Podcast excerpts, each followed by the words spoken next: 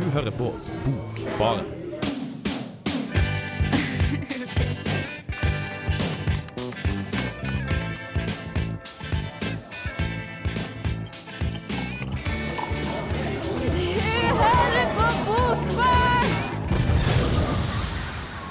God kveld og velkommen til Bokbaren. Mitt navn er Kristoffer Ervik, og du hører på Radio Revolt. Det er høst, og mørket tar snart over, men vi er her for å skape liv.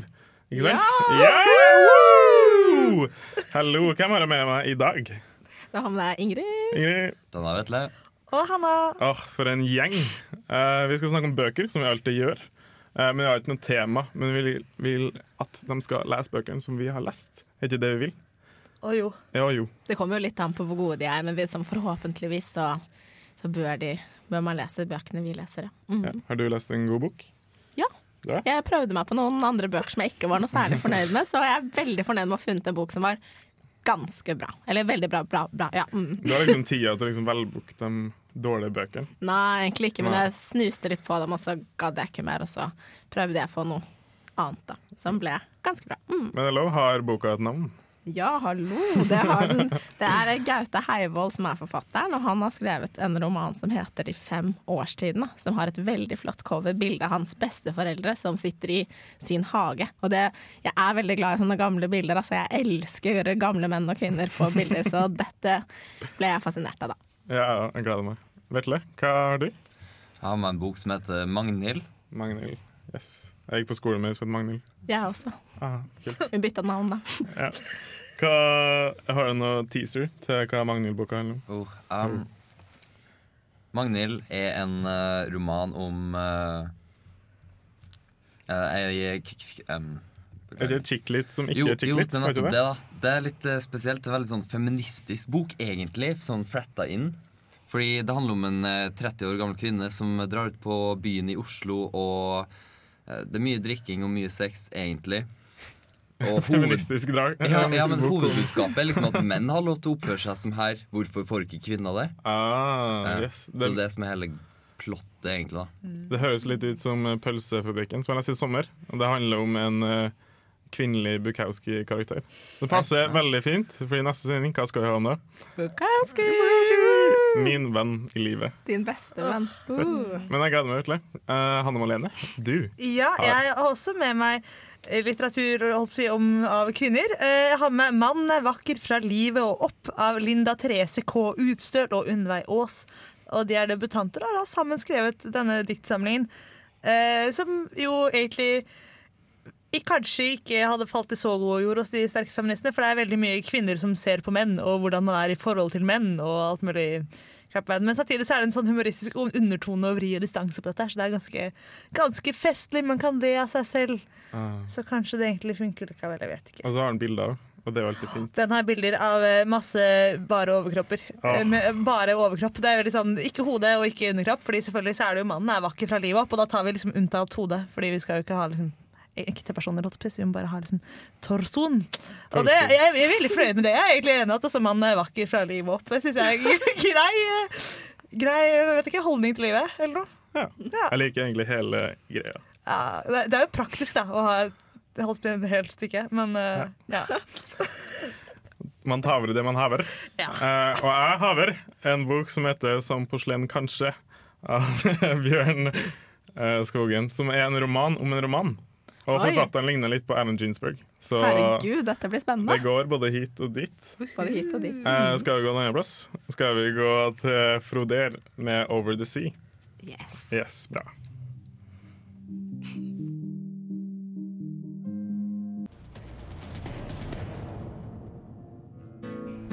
Hei, hei. Eh, Dette er Vigdis Hjort. Jeg liker navnet på denne radiokanalen, Radio Revolt. Hør på magasinet Bokbarn. Det å sitte på bar og lese bok, det er ikke det verste. Jeg satt på bar i helga, og så fikk jeg en bok. Fikk en bok. Oi, hva, hvilken bok da? Eh, hemmelig. Jeg skal kanskje ha den med en gang. Uh, Vi fortsetter med sånne der teaser for ting som skjer langt fram i tid, kanskje. Han hadde hatt og parykk, i hvert fall.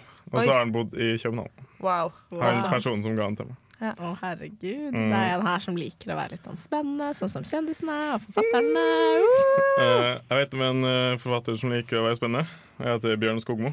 Han skrev en bok som heter 'Som porselen', kanskje. Ja, det er jo boka du har med i dag, Kristoffer. Ja visst. Ja, visst Og det er en metaroman, rett og slett. Ja, det er en roman om en roman. Wow. Uh, men uh, litt vanskelig, for det er egentlig ikke en roman. For han har skrevet, eller gitt ut tre kortprosasamlinger fra før og på Kolon forlag. Og så er det her en blanding mellom dikt og noveller og kortprosa og roman. Men det er veldig spennende. Er, alle kapitlene er på sånn to eh, sider, og så har de sånn egen ting. Men det starter med at han sliter med prostataen, eller med tisseproblemer. At han går han litt, Eller han er litt usikker på om en, han er hypokonder, eller om han virkelig har eh, ja, kreft i underlivet. Men så går det videre om at han også har lyst til å møte Anne Grosvold på Bokbadet og bli intervjua. Han er ikke så kjent, men han har lyst til å liksom komme videre og så diskutere han fram og tilbake.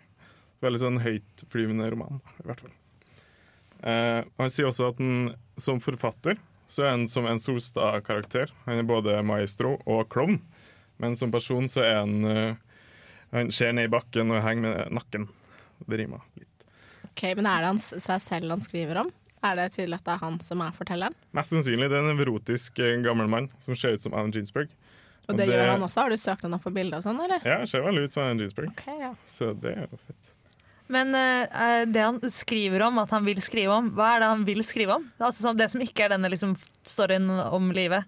Uh, han Hva er er det han gjør der? Han er ikke helt uh, sikker. Han går litt fram og tilbake. Okay. Når han snakker om at han skal skrive, og så er det sånn veldig myke og fine overganger til at det enten er boka han skal skrive, eller livet han lever.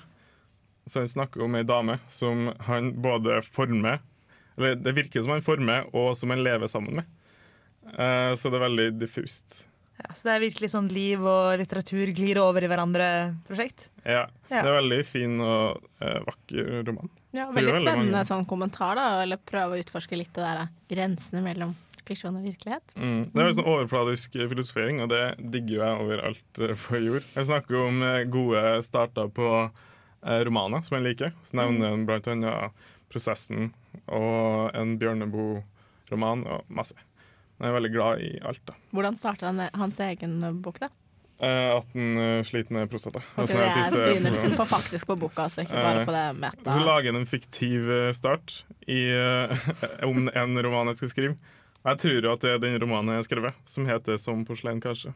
Og dere lurer kanskje på hva tittelen eh, er for noe? Ja, det hadde vært spennende å få vite. Det er fra hun dama som er i Life uh, Nei, uh, Botticellis uh, Venus. Hun dama med sånn skjell bak seg og så er sånn Ja. flagrende sjal. Ja, hun er vel Venus eller er Ja? Ja, Han mener at hun ser ut som, som porselen. Kanskje. Aha, det kan vi jo kanskje være enig i. Kanskje. Ja. Ja. Men jeg har egentlig ikke helt uh, fått eh, helt grep på boka her. Jeg tror ikke Bjørn, uh, han som har skrevet boka, heller har gjort det. Det er Men- som en roman, kanskje? Som Som en novelle, kanskje? Som et dikt, kanskje? OK, så kanskje vi skal få litt bedre tak og høre på min sak om Som porselen, kanskje. Som porselen, kanskje, av Bjørn Skogmo, handler om potens og potensial. På den ene siden skriver Skogmo om en bok han vil skrive, om hva en roman er. Skal han ha med en kvinne, og hvordan skal hun være? Han skriver om en forfatter som ønsker å sitte foran et fullsatt litteraturhus, men samtidig tenker på det som et evig krampetak. På den andre siden handler boka om en karakter med en svak tissestråle og tankene som følger med det. Burde jeg grepet sjansen? Foran TV-kamera og mikrofoner, med landets samlede presse til stede? Kunne jeg gjort det? Skulle jeg gjort som en av debutantene og fulgt forlagets instruksjonshefte til punkt og prikke der jeg tror det står at en skal ta seg tid før en begynner? Puste med magen, lese hardt og fast, uten noen betoninger. Hadde jeg gjort det, ville jeg opplevd at det hele var over nesten før jeg begynte. Eller hvis nervene ha klikka og beina svikta, slik at jeg hadde besvimt fremfor et samla pressekorps. Ville mitt forfatterskap overlevd det? Eller ville det nettopp vært det som avisen har blitt opptatt av? besvimte på pressekonferanse, og dermed begynte å interessere seg for hva jeg hadde utgitt. Det slo meg snarere at det ville sett slik ut. Ari reddet kollega. Ari Behn viste seg som kamerat og førstehjelper da en forfatter falt om på pressekonferansen på hotell Bristol i går. Den dramatiske episoden skjedde da han begynte å lese fra sin bok, men Ari oppfattet situasjonen raskt og kom sin kollega til unnsetning. Kolon forlag roser Ari for innsatsen og sier at det er på grunn av Aris snarrådighet nå står bra til med forfatteren, som er i 50-årene. Les også! Ari leser fra ny roman, side 53 til 54. Hasj og homoerotikk, side 55. Slåttetaus, side 56. Hele tittelen på boka er 'Som porselen kanskje', en roman om en roman. Boka handler om en person som vil skrive en roman, samtidig som han reflekterer om hva som skal være i romanen. Og det skriver han også i romanen. Altså i 'Som porselen kanskje'. For eksempel så funderer han om det skal være en kvinne i romanen, og hvordan hun skal oppføre seg. Han skriver at hun skal ha studert sosialantropologi, være vakker som kvinnen i The Birth of Venus, hun som ligner på porselen, kanskje. Videre lever hun sitt eget liv, jobber på bunnpris, går på kunstutstillinger, blir med hovedpersonen ut på byen. Det er vanskelig å si hva som er fiksjon og hva som er fakta, men det gjør det hele enda mer fornøyelig. Kanskje feilet det meg noe allikevel? Slo hjertet mitt regelmessig, eller hoppet det over et slag? Var jeg ikke litt svimmel? Blodsukkeret, hvordan var det med det? Hadde jeg øresus? Jeg forsøkte å bevege tærne opp og ned i skoene, og tenkte på blodomløpet. Hadde jeg litt for stramme sokker? I alle fall var det tilfelle at jeg så litt dårlig på det høyre øyet. Hva hadde jeg å gjøre sammen med Holt og Lindell? Det var feil alt sammen. Det var ikke det jeg hadde drømt om. Det var Dag Solstad og Kjartan Fløgstad som skulle sittet her. Eller Charles Askelsen og Jonny Hallberg. Jeg var tørr i munnen. Svettet jeg under armene? Jeg så på rørene opp under taket og begynte å tenke på programmet Det svakeste ledd. Der var Grosvold ikke lenger den kloke og hyggelige intervjueren, men tvert imot en sint og ufin utspørrer. Da en avis ville vite hvordan det var å finne frem til de mindre sympatiske sidene ved seg selv, hadde hun svart at det var overraskende lett. Hun så ikke bort ifra at hun rett og slett var et mye mindre vennlig menneske enn hva hun alltid hadde trodd.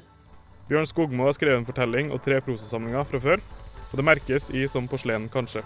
Hvert kapittel er bare på noen få sider, og hvert kapittel har sin egen særegenhet. I et kapittel kan en prate om prostataen sin, i et annet om en vitenskapsmann som heter William Herschel, som oppdaga Uranus, eller om litteratur og begynnelser i romaner. Å lese Som porselen kanskje er som å få små myggstikk av alt som er fantastisk. Helt til slutt prøver Bjørn Skogmo å finne ut hva han har skrevet. Er det en roman, novelle, kortprosa eller en diktsamling? På en måte så er det en blanding mellom alle sjangrene. Romanen er bare på 56 sider, men Skogmo skriver en bok med lag på lag av fiksjon og ikke-fiksjon, som gjør det hele til en leseropplevelse som du ikke helt klarer å legge av deg. Ja, jeg heter Dag Solstad, og dere hører nå på Bokbaren, og der er altså jeg. Du, der her er Kristoffer Ervik i Bokbarn på radio Revolt. og Vi prater om bøker. Vi er ferdig med det ræle metafiksjonelle og prøver å gå litt på Facebook-kjærlighet. Å ja, det gjør vi. Dette er jo da selvfølgelig, dere kjære lyttere, en flammeroman nok en gang. Men denne gangen så er jeg veldig, veldig fornøyd. Eh, Det er en diktsamling som heter 'Mann er vakker fra livet og opp'. Eh, Som er skrevet av to forfattere, og som er delt opp i ti biter som starter med et bilde av en overkropp, og så har vi en sånn liten dialog rett etterpå, og så er det litt sånn forskjellige fragmenter. Og litt sånn refleksjoner over livet og kjærleiken og dating og litt sånn diverse ting. En sånn prosaaktig Ja. biter. Ja. Der. Og resten er sånn Facebook-aktige samtaler. Ja, altså Den Facebook-aktige samtalen er veldig liten, da, for det er nettopp bare de ti dialogene etter. Så det er jo egentlig den minste delen. Men uh, ja. Har du noen sånn sjanger? Er det sånn utklippsroman? Eller hva vil du kalle det for noe? Nei, jeg vil kalle det en diktsamling med dialogdeler. i. Dialog. Pluss litt bilder. Ja, Ja. Noe sånt noe. Ja, men Det er to forfattere. Samme som uh, Vetle sin bok, så det er to stykker som har skrevet den der. Mm. Ja, Og en er sanger og en er en annen en. Ja, tydeligvis er Unnveig Aas også musiker, det visste ikke jeg noe om. Men Du får eh, litt sånn input, det er veldig fint. Teknikeren som opplyser oss om uh, bøkene våre. ja, vi må vi lærer litt om hipsterlivet i Oslo. Det er viktig å få med seg underveis. Ja. Eh, men ja, det er to stykker som har skrevet bøker, så jeg driver og lurer veldig på hvordan i huleste de har gjort dette her. Om det sånn, for det er, Siden det er liksom ti forskjellige menn på en måte, eller opplevelser med folk, så er det sånn, ok, kanskje de liksom har tatt fem hver. da? Dette er mine fem sånn kjipe kjærlighetshistorier, dette er dine fem kjipe kjærlighetshistorier. Og så skriver vi ut liksom hva er det, så redigerer vi det litt sammen så de får litt sånn samme stil. Eller om de liksom har faktisk sittet sammen og liksom skrevet. Det er jo sånn Bing og Brings-vær. Ja. De er jo liksom en, eller de var, fordi Bing er død. Men de var liksom sånn greie hvor de satte seg ned, og så var, var de liksom Bing og Brings her. Ja. Uh, og hadde en greie Om de liksom har gjort det sånn, eller om de har skrevet de forskjellige fragmentene selv og så på en måte plassert de sammen så det virker som det er en sammenheng innenfor hvert, hver tiendedel. Da. Det er veldig sånn, jeg synes det er veldig merkelig prosjekt. Ja, ja. Men det er jo sånn science fiction, og det her er Den vasser litt rundt i eh, drama, både med gutta og Eller om gutta. Ja, altså, jeg synes det egentlig er veldig fint Og i en anmeldelse sto det at det var en velkomponert påminnelse om at en gang eh, dreide det meste seg om å finne kjærligheten. Eh, det syns jeg er litt koselig. Det er litt sånn stikk til måte, det å være ung og lete etter kjærleik. Det er jo tydeligvis det vi skal interessere oss mest for eh, her i livet. Vi har jo kjærlighetsgaranti på NTNU og diverse ting, så her er det jo liksom mye ting. Men ja, så vasser det litt rundt, så syns jeg det er veldig rart. Og hun ene i et intervju så sa hun at Mokas liksom, mål var å finne ut eh, og hva kjærligheten er og bør være, mens den andre sa at det var en eh, utforskelse av det absurde ved datinglivet. Så det er litt sånn derre På grensen mellom kjærlighet og begjær, mens jeg, men egentlig så handler det jo mest om på en måte begjær og sex og one night stands og overtenking. Veldig mye overtenking. eh, men uten at de sutrer, og det er litt sånn her deilig, for jeg har vært litt sånn lei av flammen fordi jeg syns det er litt sutring av og til. Men det er veldig sånn humor på det, og det er veldig sånn ironisk. Så egentlig så er det noe skikkelig teit. ikke sant? De skjønner selv hvor teite det er når de driver og har disse teite samtalene om menn. Og det er litt deilig, fordi vi har jo alle de teite samtalene. Så er det litt greit å vite at ja, det er teit samtale, og du er teit, men det er litt morsomt. Ja. Men det ender opp nå kommer det med en slags eh, konklusjon. Føler du det? Nei. Nei. Du skal bare, du bare reflektere litt over livet og kjærleiken, og så er det ferdig. Og så har du den i bokhylla, så slår du opp når du har kommet til en situasjon som ligner på en av de situasjonene de er oppi. Og så tenker du sånn ha-ha-ha, det er akkurat det samme, og dette er skikkelig teit! Og så er det gøy. Så en upretensiøs eh, flamme. Veldig upretensiøs, veldig deilig og veldig, veldig sånn hverdagslig. Det er skikkelig digg å ha noe som de prøver, Det virker ikke som de prøver så hardt, da. Og det er egentlig litt fint. Ja. Løp og kjøp etter at du hørte saken til Hanne Malene. Yes. 1824. Jeg møtte han på Løkka i stad.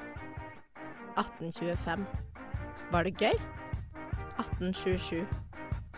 Vi sa bare hei. Slik åpner Linda Therese K. Utstøl og Unnveig Aas debutbok. Her møter vi dikt og små dialoger som omhandler møtet mellom kjønn. Det er snakk om kjærlighet, eller kanskje bare begjær. Boka er delt inn i ti deler, som hver starter med et svart-hvitt-bilde av en mannlig overkropp, og deretter følger korte dialoger mellom to jenter om gutter og dating og hverdagslige situasjoner. Samtalene er konkrete og refleksjonene nære, og det funker så utrolig bra. Jeg satt bak noen jenter på bussen i stad. Vi snakka bare om menn. Jeg er så lei av at alle bare snakker om menn. 1520. Tror du kvinner snakker mer om menn enn menn snakker om kvinner? 1521. Jeg vet ikke. Kanskje. 1524. Kanskje vi skulle slutte? 1527. Apropos hun fra klassen min, hun du møtte på lørdag, har fått seg kjæreste. 1528. Oi, så bra for henne, da. 1529. Lurer på hvordan hun er å være sammen med. 1529. Hvordan da? 1530. Lurer på hva de snakker om. Ja, til vanlig så snakker hun jo bare om menn.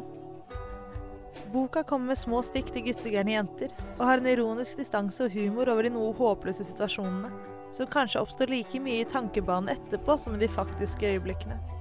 Kan man dra i parterapi aleine, er det en som lurer på. Forteller at jeg ble redusert til et menneske som var sammen med et annet menneske. Dette kunne fort blitt sutrete, men heldigvis er det ikke den veien det går. Man humrer av gjenkjennelige situasjoner, og av og til minner det hele om en bli glad-bok. Uansett hvilken kjip situasjon venninna di er i, kan du finne en side i boka som får en til å le litt av det hele. For tross alt handler ikke alt om menn, alt handler ikke om begjær og sex, og ikke er det engang slik at alt handler om kjærligheten. Men jeg elsket ham nok ikke som i klassikerne. Jeg la meg ikke ned for å dø da han forlot meg. Utstellet Aas har klart å formulere både det vakre og håpløse i kjærligheten.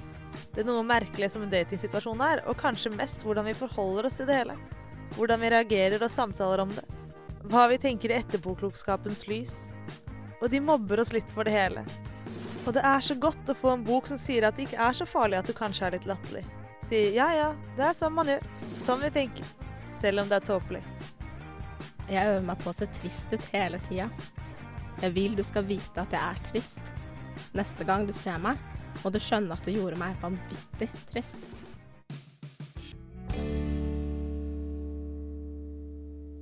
This is Alan Moore, and you're listening to The Book Bar. Helt uh, fullstendig riktig, Alan Moore. The Book Barn på Radio Revolt. Jeg heter fortsatt Kristoffer. Uh, vi har hørt på to romaner. Eller vi har snakka om to romaner. En var min, en var Hanna Malene sin. Nå går vi videre til Ingrid. Ja. Hallo. Hei. Du har med deg De fem årstidene Ja. av eh, Gaute Heivold heter han. Ja. Eh, det var en forfatter som Denne romanen er helt ny, altså, men uh, dette var en forfatter som jeg fikk uh, anbefalt av mamma, faktisk. Fordi hun har lest en bok av han som man sier er hans gjennombrudd. Han har skrevet en del uh, bøker. Den heter 'Før jeg brenner ned' og handler om en pyroman. Mm. han tar utgangspunkt i at han selv ble født på en dag hvor en pyroman ble fengslet. Da. Og så går han litt tilbake i noen sanne historier rundt pyromanen, og rundt det som skjedde i hans hjembygd, men dikter vel litt rundt. Og det gjør han jo til dels her også, da, i de fem årstidene, hvor han tar utgangspunkt i sine besteforeldre og en film han har sett som bestefaren hans har filma av den siste tiden med han og bestemoren. da. Hvor bestefaren akkurat da har begynt på sin pensjonisttilværelse.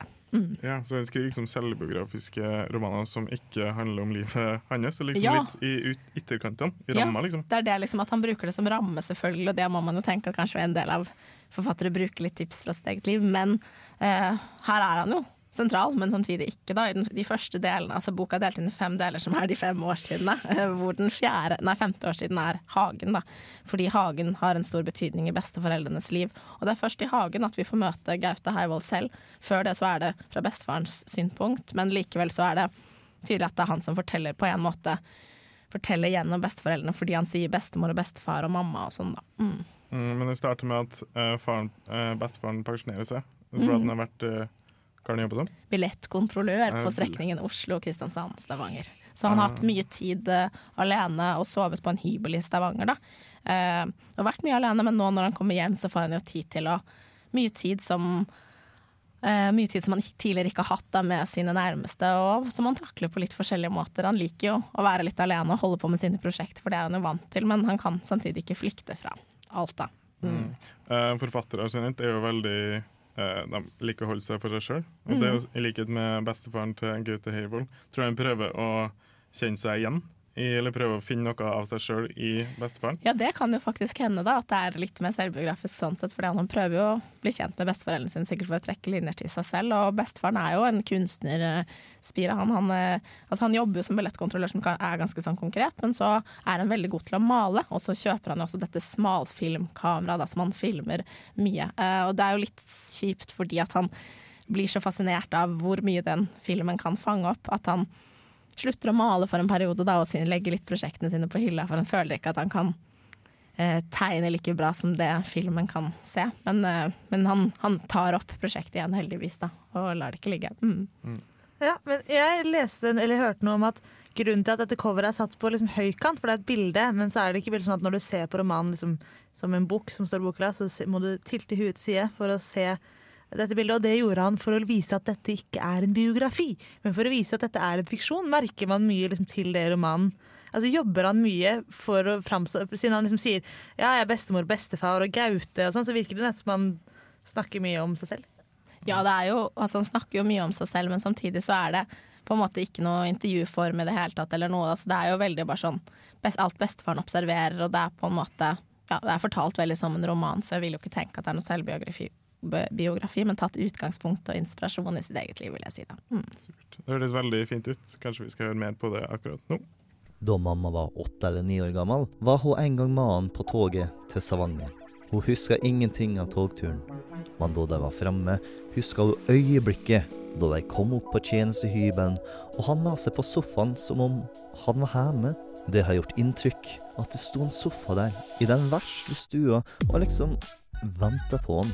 Det har gjort inntrykk at han gikk rundt i bare skjorta og på sokkelesten, at han sto med komfyren i kjøkkenkroken og laga mat, at han hadde sitt eget lille hus midt i den fremmede byen som ingen der hjemme visste om. Det var dit han drog da han sto bakerst i toget og blinka rødt med stasjonslykta. Det var der han la seg, alene i senga, mens døtteren sov på loftet i det store huset sammen med bestemor 200 km mot sørøst.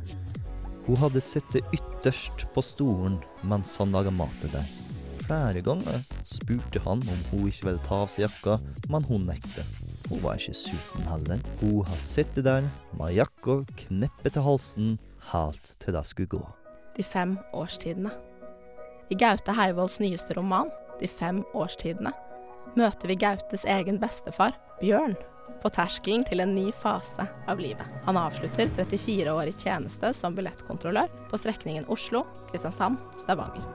Sammen med bestemor skal han møte dagene med godt mot og lystig humør, ivrig og klar for nye prosjekter. Ved å studere bokomslaget, et fotografi av Heivolds beste foreldre, mysende i møte med alle solstrålene som gir energi til alt det grønne, i samspill med tittelen, er det tydelig hvor pensjonisttilværelsen skal tilbringes.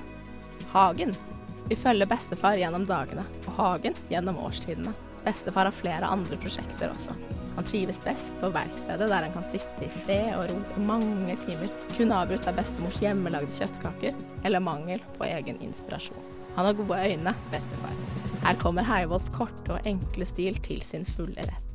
Bjørn beskriver omgivelsene presist, med få ord overflødig. Han unngår kjedsommelige oppramsinger, men gir i stedet fantasien mulighet til å sanse alt så vakkert som det faktisk er. Bestefars blikk gjennomsyrer store deler av romanen. Etter innkjøp av et smalfilmkamera fanger han øyeblikk som skal hjelpe oss å huske hvem de var. Bestemor og bestefar. Elva er skrumpet kraftig inn etter den lange tørkesommeren. Han står på elvebredden like nedenfor Løvollen og filmer utover steinene som her og der stikker opp av vannet som svarte trollhoder. Så snur han seg og filmer mens hun står med ryggen til og skifter. Badedrakta er rulla nedover magen, ryggen hennes er hvit, håret svart. Hun er på dette tidspunktet 61 år gammel og virker yngre enn slik jeg husker henne. Kanskje det håret. Det er ganske langt og glatt. Kanskje hun farga det. Jeg vet ikke. Hun kaster et forsiktig blikk over skuldra, og da går det opp for henne hva han driver med. Hun snur seg halvveis, holder håndkleet foran brystet og hytter neven mot den, nesten slik han sjøl gjorde da mamma filma han i hagen. Som om hun frykter at hun skal komme halvnaken på fjernsyn. Men bestefar gjør ikke. Han zoomer langsomt inn. Det er som han kan strekke ut hånda, og brått får han noe faen i voldsk over seg, noe vilt og trasig. Nesten som raseri, så gjør hun det. Hun kaster håndkleet mot den. Selv om han ironisk nok har tilbakelagt en strekning tilsvarende 59 ganger rundt ekvator, så er det mange situasjoner han ikke har sett før. Kanskje er det vanskeligste å være i ro på ett sted, tvunget til å ta inn over seg alt det et sted eller et ansikt rommer. Kjenner han bestemor, eller seg selv, så godt som han trodde? Når det er sagt, så er det få dramatiske høydepunkt. Ja, foruten et forsøk på å fange en grevling i revesaksa, og ja, bestefars stadig voksende hull i brystet. Det er få hemmeligheter eller følelsesmessige utbrudd som rister løs i leseren. På en annen side, Heivold lar bestefars betraktninger og tanker om bestemors vesen sjelden slippe helt ut. Dette skaper redsel og usikkerhet, og vi skulle gjerne strøket han over ryggen et par ganger. Det er et lite stykke til Vesaas fortetta og gåtefulle tekster. Likevel vil jeg påstå at Heivold ville redusert avstanden dersom han hadde latt de vare og skjøre møtene vare noen sider lenger. De behandler hverandre forsiktig, vil helst skåne den andre for den minste bekymring. Det er lenge siden jeg har lest noe der latter har dukket opp så ofte. Noen tenker kanskje at det er en fordummende strategi. Selv tror jeg det er et uttrykk for dyp kjærlighet. Hei, det er Pedro Carmona Alvarez. Du hører på Bokbaren på Radio Revolt. Helt riktig. Du hørte nettopp X-Types av eh, 22. Jeg lurer på om han ene i 22 eh, går på samme yogasenter som meg, så det er jo veldig hyggelig. Også så er det veldig hyggelig at Vetle har lest en eh, roman av, eller som heter 'Magnhild', av to spreke damer. Ja. uh, ja. Det stemmer, det. Av uh, Inger Johanne Sæterbæk og Guri Vikken. Ja, de er helt uh, prikk like, skjønner du ikke i slekt. Ja, De ser veldig like ut. Ja. De, er- de starter vel, ut fra det jeg har forstått, opprinnelig med å skrive en blogg sammen. Har du lyst til å skrive en blogg med noen som du er veldig lik? Uh, eller uh, føler at du Hver gang jeg produserer noe, så har jeg lyst til å gjøre det på egen hånd. Ah. Vet ikke helt hvorfor. Det er fint å ha all kredsen, på en måte. Eh, det, ja, men hovedsakelig fordi at det er fint å kunne gjøre ting på min måte. Slippe å uh, ja, tilpasse meg de andre. Skit folkene. Ja. Men uh, Magnhild en roman om en kvinne som ja, går ut på byen. Vet du det? Det er egentlig veldig mye av det, ja. Ja. ja. Virker som det Det er jo basert på en blogg, og det merkes veldig godt i og med at det er som et eh, blogginnlegg ganger 20, bare i en ny situasjon. Så jeg fikk meg poenget allerede etter noen få kapittel, og følte at jeg ble sittende og lest det samme om og om igjen. Det er samme rutinene med at hun drar ut på byen, blir veldig full, møter en fyr, tar den med seg hjem i leiligheten sin og har bra eller middelmådig eller dårlig sex med han. Og så har en chill dag på søndag hvor hun forbereder seg på å dra på jobb til uka. Ja. Det er ikke noe det bygger opp mot. Det er bare litt sånn Nei, med sex og Det, det, det, det, det blir liksom mye av det samme. Så Ja. veldig, veldig morsom lesing i starten, men etter hvert så kom det liksom ikke fram til noe poeng. Jeg satt helt og venta på at det skulle skje noe, men eh, Det ble veldig mye Ja. Men hun er en kvinne som eh, er ikke som alle andre kvinner, nødvendigvis. Nei, det, Eller det. Eh, boka har jo et, uh, et slags mål, annet Mm. enn bare å fortelle en historie om ei jente som drar ut på byen. Den er hovedsakelig veldig feministisk inspirert, fordi den um, Det er ikke så vanlig at kvinner oppfører seg på denne måten. Det er mer vanlig at de kanskje finner en mann og blir etablert og får barn. Og i en alder av 30 så skal de helst eh, ha en familiebil og plukke opp barna sine i barnehagen i stedet for å gå rundt og ha one night stands på byen. Så boka handler mye om reaksjonene hun får fra vennene sine, og eh, hvorfor hun mener at eh, det er feil at de dømmer henne, mens hun dømmer dem tilbake. Kan eh, dere eh, kvinnene i panelet, eh, Ingrid og Hanne Melene, føler dere at det, det er noe det holder i rør? Er det noe, kan det være en person? Kan det være en ekte person, eller er det bare tull og fjes?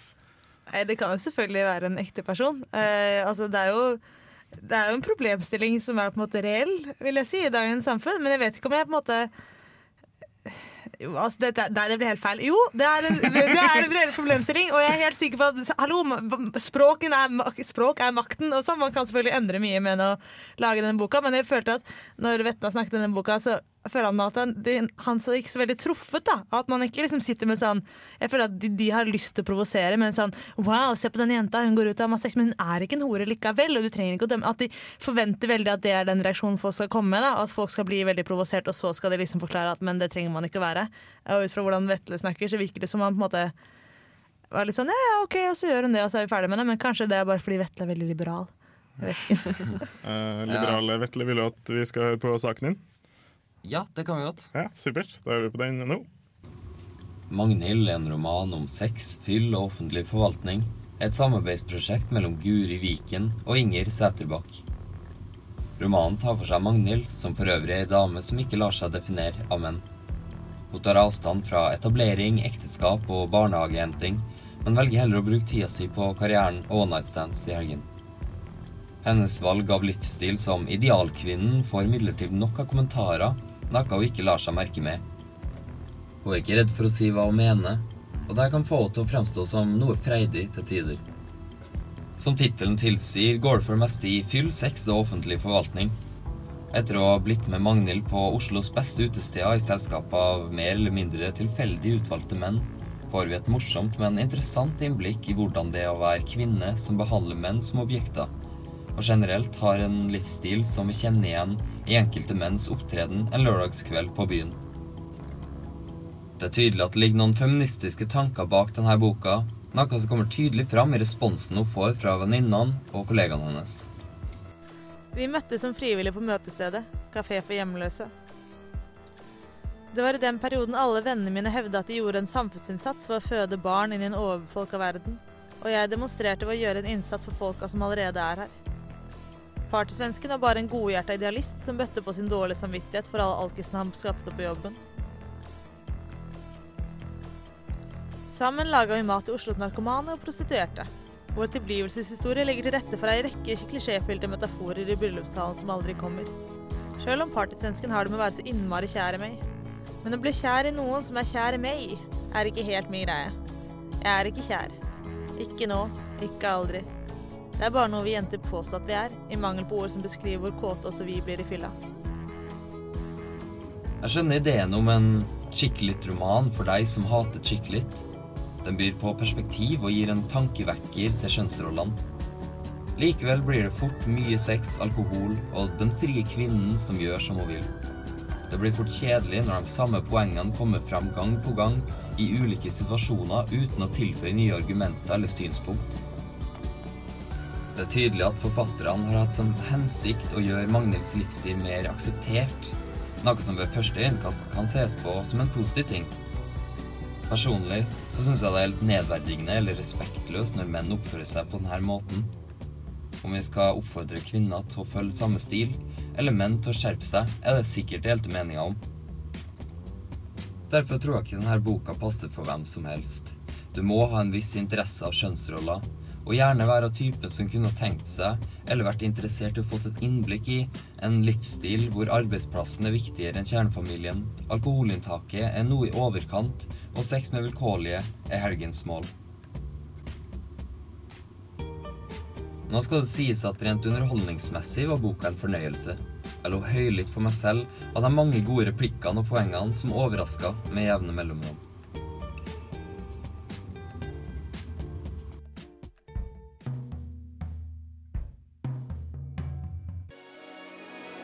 For en fin sang, 'Swim Dream' av Ludvig Moon. Og Ludvig Moon slapp sin første EP på trondheimslivet Riot Factory fredag 12.9. Den singelen er en deilig drømmende poplåt, som du hørte. Det slapp jeg egentlig å si, men eh, bare for å trykke det enda mer opp i trynet. Eh, fortsatt Bokbarn på Radio Revolt, og klokka er ti på ni, eller sju på ni. Og vi skal snakke litt om bøker eh, fremdeles. Vi kan snakke litt om hva vi har hatt. Ingrid? Ja, jeg har hatt uh, De fem årstidene av Gaute Heivold, som var et lite dypdykk i hans besteforeldre, uten at det ble altfor mye han da inni der. Det ble ikke så selvbiografisk. Fortsatt noe av det romanen har som er så unikt, litt mellom linjene. Mm. Ja, prøve å gå litt inn i bestefaren. Uh, Vetle, du har prøvd å gå inn i eller- uh, en bok som handler om kjønnsroller. Sånn helt egentlig, hvis vi går i dybden på hva den egentlig handler om. Mm. Magnhild. Magnhild heter den, da.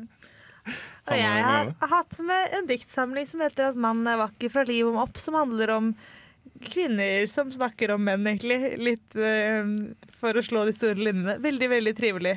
Uh, hvis du sutrer, så kan du høre på den her, så kan du høre hvor mye du sutrer, og så kan du slå deg litt i huet og le. Og så er det masse deilige bilder av uh, menn i baris, ikke det? Jo, hvor, ja, masse deilige bilder. Det er i hvert fall masse bilder Ti bilder av menn i bar overkropp, og så er det også en, en skulder og en arm. Og det er kanskje det vakreste i verden.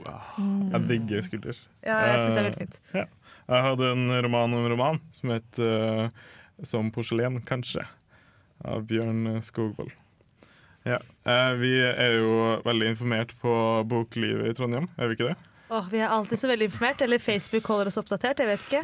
Eh, men i hvert fall i morgen allerede så er det en bokstavelig talt til på Knaus tror jeg det er, klokka sju, hvor det er Maria Meli som skal komme og snakke, så vidt jeg har oppfattet. Mm. Så det er Det må man få med seg. Yes. Jeg jobba på bokbutikk med en som, ei som har gått på skrivekurs med Maria Meli. Jeg syns jeg skrev drittdårlig.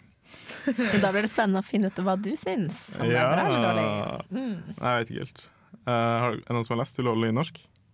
Nei, men hun var, jeg var jo med i den internasjonale studentfestivalen i Trondheim i fjor, og da var hun konferansier på fredsprisutdelingen. Og det var ikke en- høydare, da. Men Oi. eh, jeg kan jo håpe at hun skriver bedre enn hun snakker. Ja.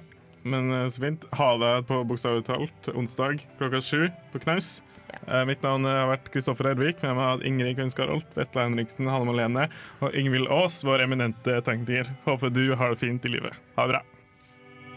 Oh, hey, I wasn't listening. I was watching Syria, blinded by the sunshine strip.